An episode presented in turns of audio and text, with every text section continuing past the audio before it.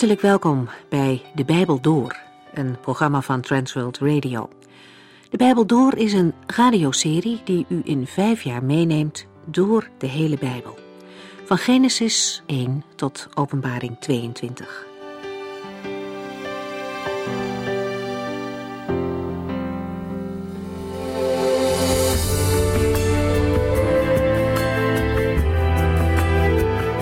Vandaag zijn we toe aan Genesis 40. Om als enige christen te zijn in je omgeving kan moeilijk zijn. Je mist de stimulans van andere gelovigen, de aanmoediging. Jozef was een man die dat ook meegemaakt heeft. Hij was ver van huis, zonder familie. Hij woonde in een vreemd land waar de mensen niets van God wisten. Maar wat Jozef ook aan narigheid en aan moeilijkheden meemaakte, hij was door en door gericht op God. Hij verslapte niet in zijn geloof. Zijn hele leven diende hij de Heere. In ons land hebben we veel mogelijkheden om ons geloof te versterken. Kerken en gemeenten die nooit echt ver weg zijn. Christelijke lectuur, christelijke radio- en televisieprogramma's. En denk maar eens aan al die bijbels die we bezitten. Maar Jozef was alleen. Hij had niets van al deze dingen. Gelukkig is de Heere daar niet afhankelijk van. Hij was bij Jozef. Dat is het geheim van geestelijke kracht. Leven in relatie met de Heere. De vorige keer hebben we het erover gehad dat Jozef als slaaf bij Potifar in huis komt. De Heere laat het werk van Jozef lukken. En Potifar die ziet hoe goed alles gaat wat Jozef doet. Hij geeft hem de leiding in huis. En vanaf dat moment gaat God het huis van Potifar zegenen. We kunnen ons voorstellen dat Jozef lange werkdagen maakte. God zegent, maar er moet wel gewerkt worden. In zo'n periode dat het goed loopt en druk is, blijft het wel zaak om geestelijk waakzaam te zijn, want de verleiding is nooit ver weg. Jozef is terechtgekomen in een land waar overspel heel gewoon is. En Potifars vrouw vraagt hem dan ook met haar te slapen. Verleidingen, ook op seksueel gebied, kunnen altijd op je afkomen. Onze hele maatschappij is er vol van. En de vraag is hoe je reageert. Deze vrouw biedt zich zonder problemen aan en niet één keer, maar dag in, dag uit. Jozef op zijn beurt weigert op haar voorstellen in te gaan. Hij wil zijn baas en haar man recht in de ogen kunnen kijken. Jozef sluit geen compromis, hij doet geen stiekeme dingen. En ook voor God wil hij recht blijven staan. Jozef wint er dan ook geen doekjes om. Hij zegt tegen deze vrouw, die niets met God heeft, hoe kan ik nou dit grote kwaad doen en zondigen tegen God? Wat een getuigenis. Ook al snapt Potifars vrouw er niets van, Jozef komt radicaal voor zijn geloof uit. Dan komt de climax van het verhaal. Als de vrouw haar zin niet krijgt, probeert ze hem te dwingen. Jozef vlucht weg, maar ze heeft zijn mantel vast en die gebruikt ze om het verhaal om te draaien. Ze luist Jozef erin. En hij wordt vals beschuldigd. Alleen, ver van huis, niemand die het voor hem opneemt. Al het goede werk wat hij gedaan heeft, dat lijkt zomaar vergeten. Hij komt in de gevangenis terecht en het lijkt een uitzichtloze situatie. De vraag is terecht. Waarom laat God dit toe?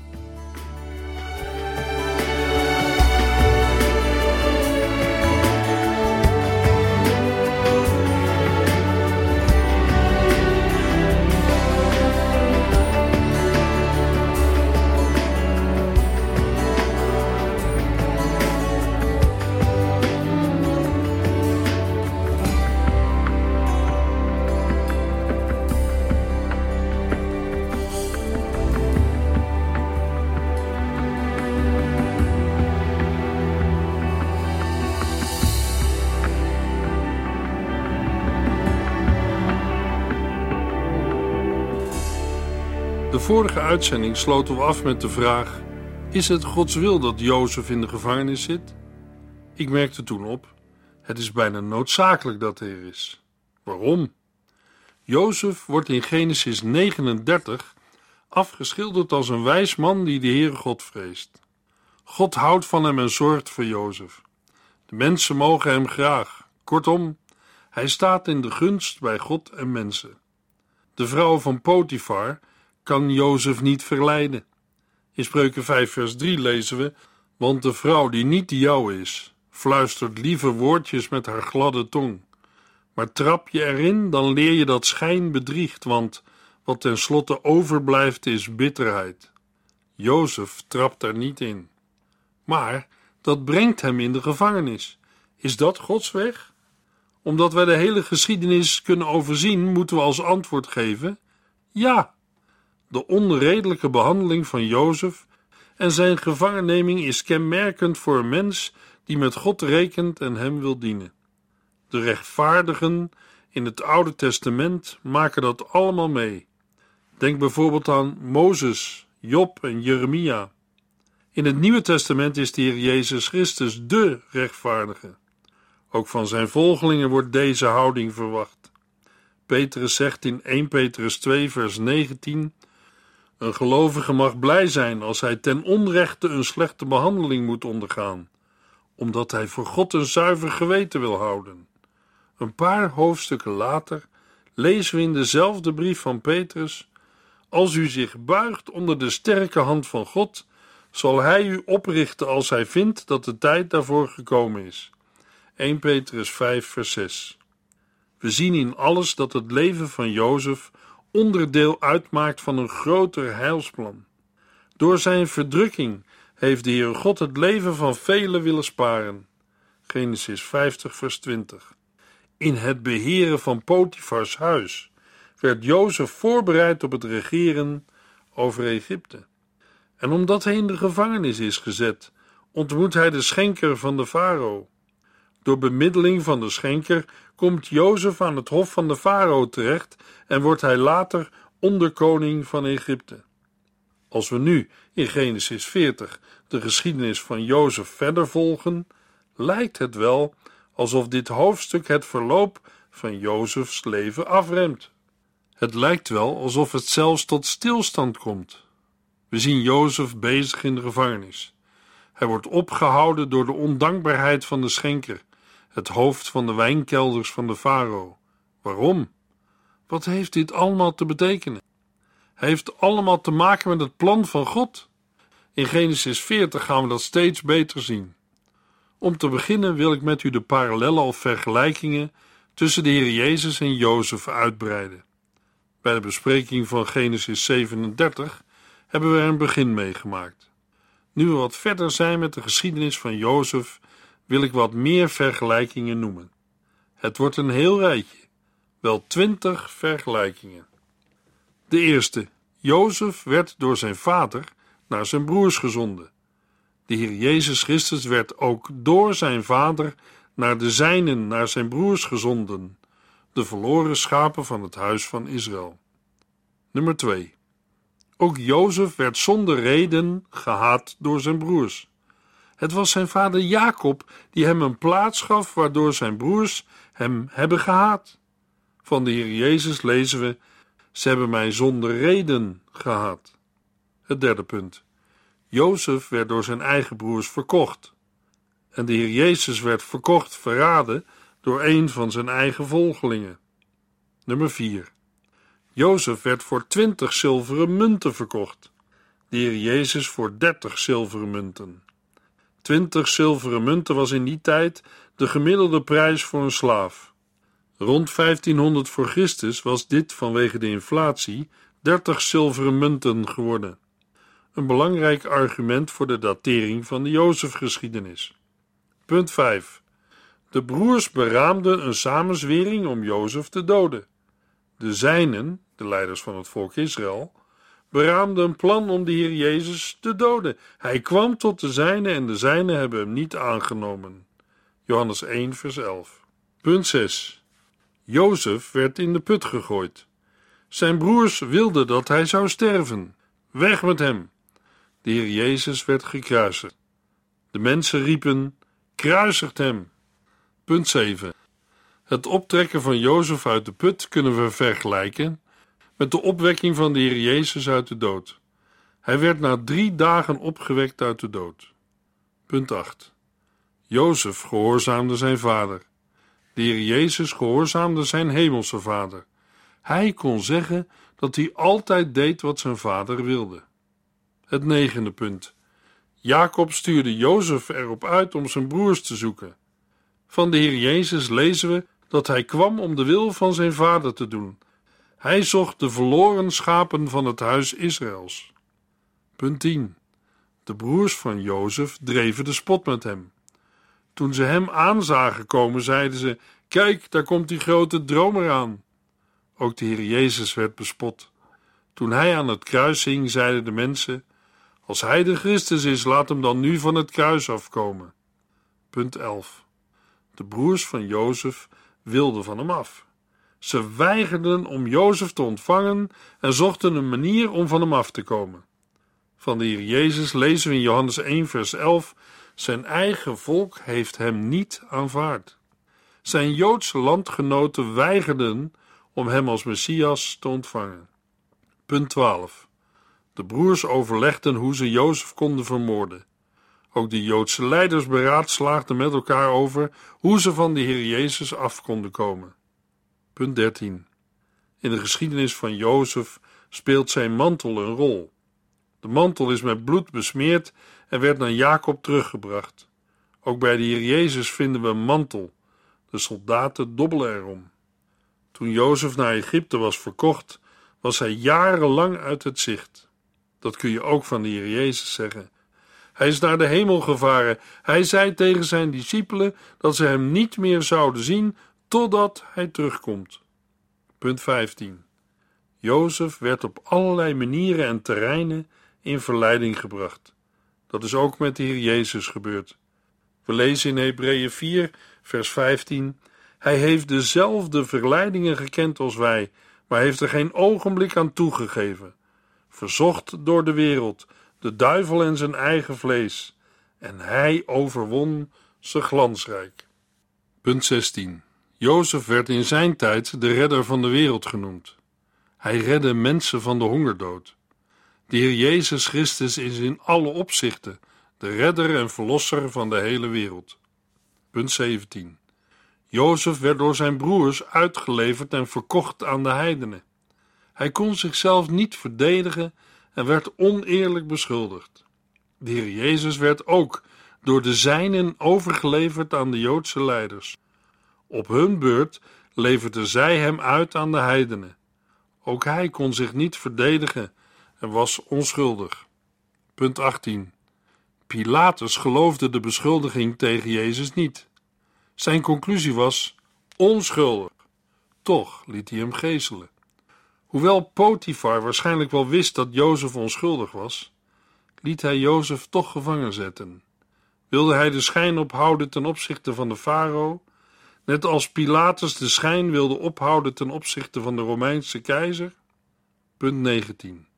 Jozef viel op bij de hoofdcipier van de gevangenis. In het geval van de Heer Jezus zei de Romeinse officier: Deze man was beslist de zoon van God. Punt 20. Jozef werd gerekend onder de misdadigers. Daarnaast was hij een zegen voor de schenker, maar niet voor de bakker. De Heer Jezus werd gekruisigd tussen twee misdadigers. Voor de een was dat een zegen. Vandaag zult u met mij in het paradijs zijn. Daar kunt u zeker van zijn. Voor de ander niet. We gaan lezen in Genesis 40, vers 1 tot en met 3. Enige tijd later gebeurde er iets belangrijks aan het Egyptische hof. Het hoofd van de paleisbakkerij en de wijnproever van de farao vielen in ongenade. Farao liet hen in de gevangenis gooien. Dezelfde gevangenis waar Jozef opgesloten zat, in het huis van het hoofd van de lijfwacht. Wat laat deze gebeurtenis ons zien? Dit is geen toeval. Het laat onder andere zien dat de farao's in Egypte alleen heersers waren die met willekeur regeerden. Ik weet niet wat de bakker en de schenker hebben gedaan. Het wordt ons niet verteld waarom ze in de gevangenis kwamen.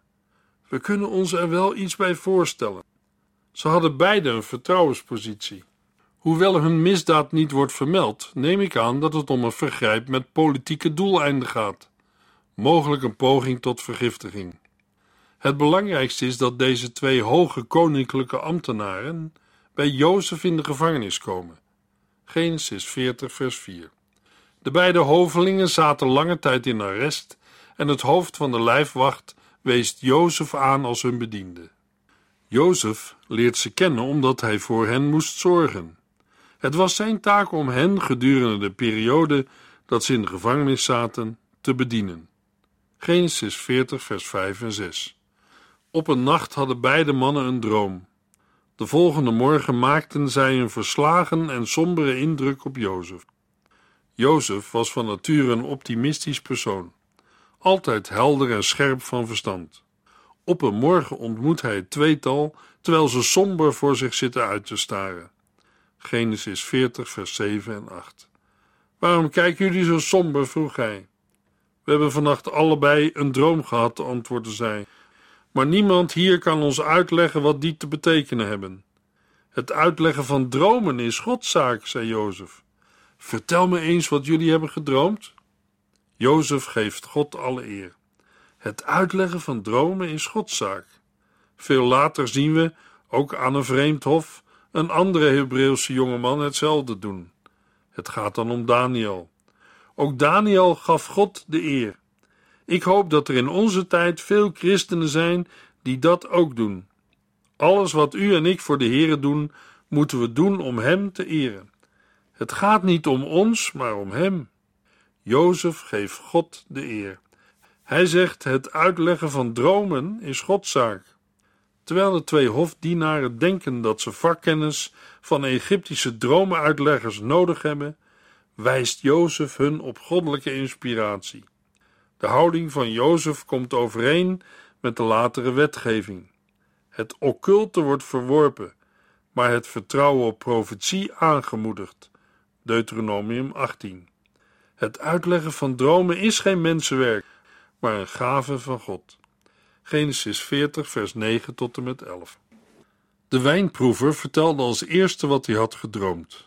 In mijn droom, begon hij, zag ik een wijnstok met drie ranken eraan. De knoppen begonnen uit te botten en plotseling was er een bloesem en kwamen er mooie trossen rijpe druiven aan. Ik had de wijnbeker van de farao in mijn hand, dus ik plukte de druiven, perste ze uit in de beker en gaf hem aan de farao. Niet het dromen op zichzelf is van belang, maar het feit dat ze beiden in dezelfde nacht droomden en dat hun droom een voor hen nog onbekende betekenis heeft. Genesis 40, vers 12 en 13. Ik weet wat de droom betekent, zei Jozef. De drie ranken betekenen drie dagen. Binnen drie dagen zal Farao u uit de gevangenis halen en u weer aanstellen als zijn wijnproever. Het is interessant om te zien dat de Heer God in het Oude Testament vaker dromen gebruikte. In het Nieuwe Testament is dat veel minder. De schenker droomt over dingen die met zijn vak en beroep te maken hebben. Verder in de Bijbel vinden we koning Nebukadnezar. Hij droomt over een beeld. Hij was vertrouwd met beelden en afgoden. Het was een voorbeeld dat hij ook goed begreep. Ik weet wat de droom betekent, zei Jozef. Jozef mag de schenker of wijnproever zeggen dat hij binnen drie dagen weer in zijn functie zal worden hersteld.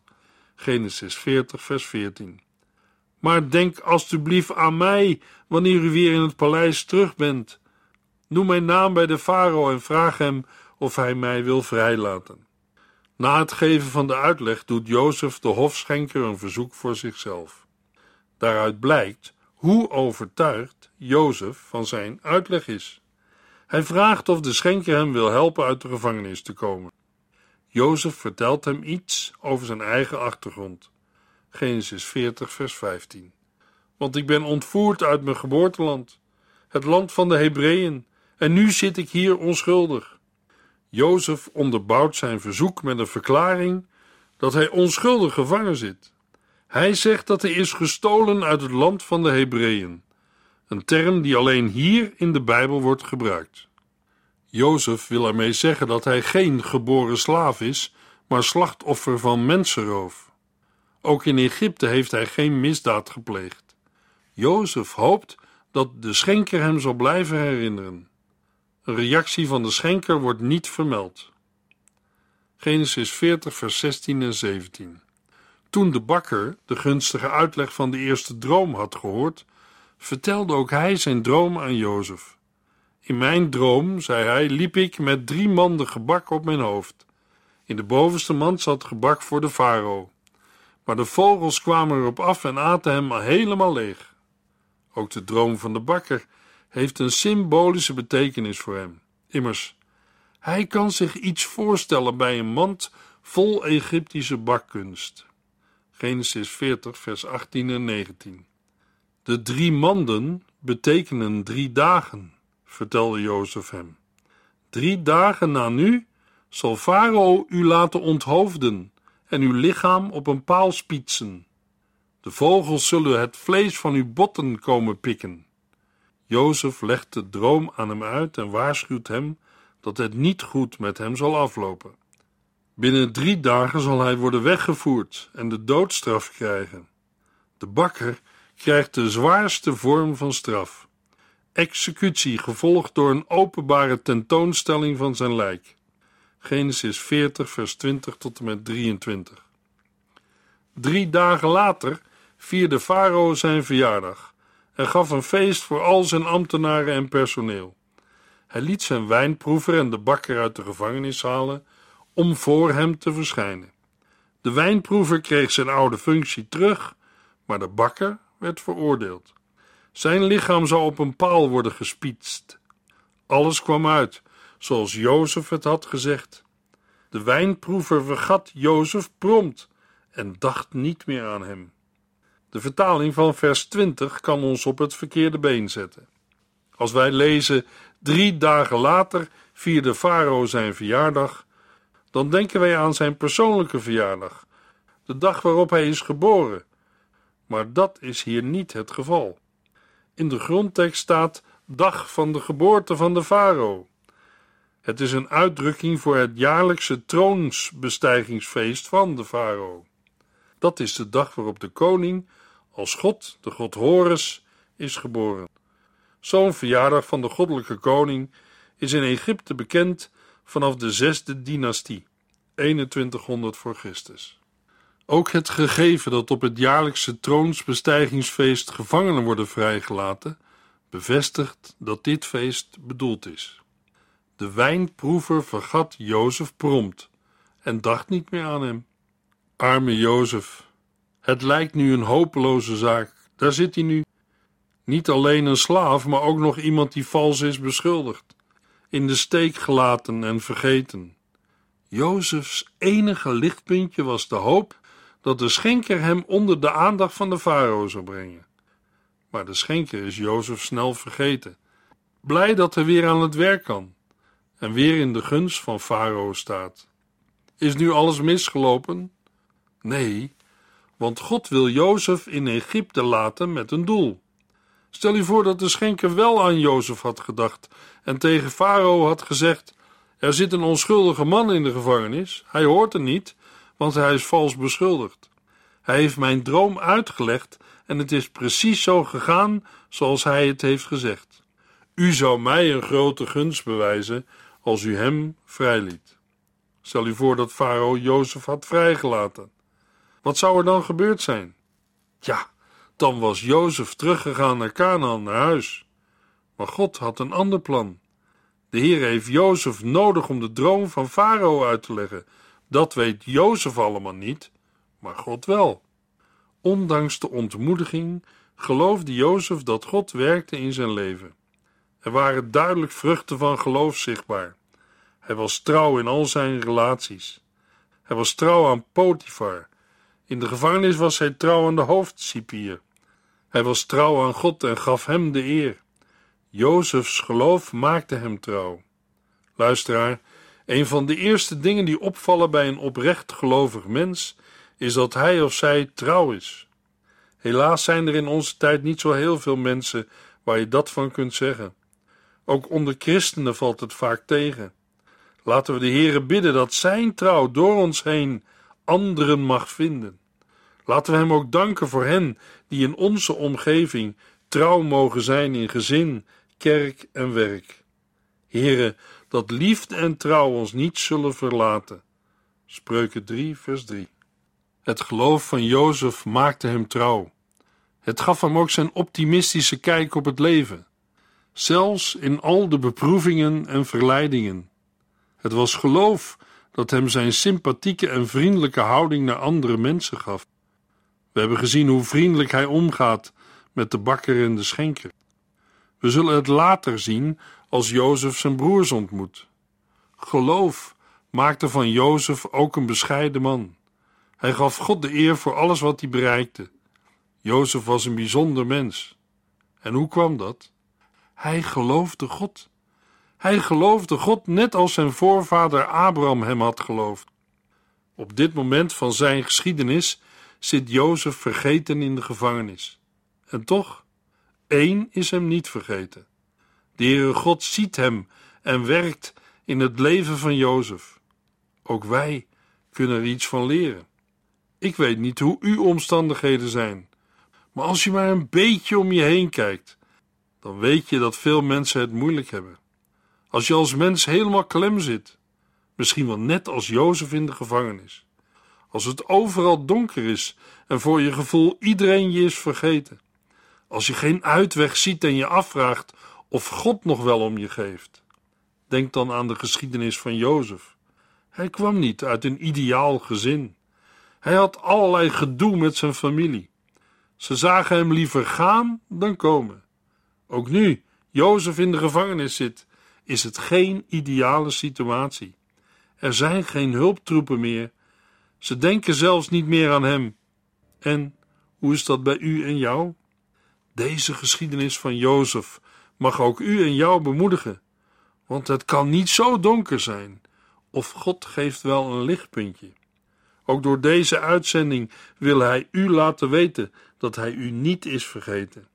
Hij wil u laten weten dat Hij om u geeft.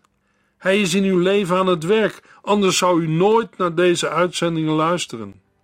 Als u zijn kind mag zijn, dan laat Hij toe dat er dingen gebeuren voor uw bestwil. Zijn opvoedkundige maatregelen en correcties zijn altijd gericht om het beste voor zijn kinderen te bewerken. Luisteraar, wij kunnen het niet begrijpen, maar we hebben een grote almachtige God die nooit de zijnen vergeet.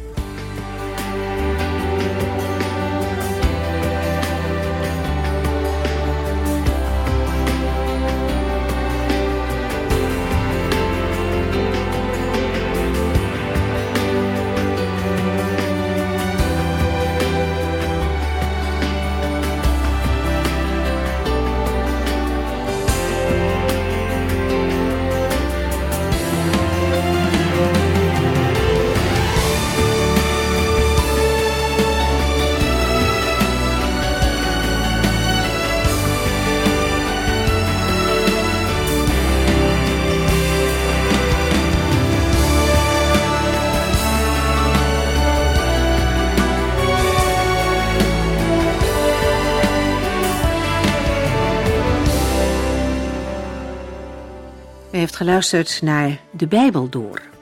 In het Nederlands vertaald en bewerkt door Transworld Radio. Een programma waarin we in vijf jaar tijd de hele Bijbel doorgaan. Als u wilt reageren op deze uitzending of u heeft vragen, dan kunt u contact met ons opnemen.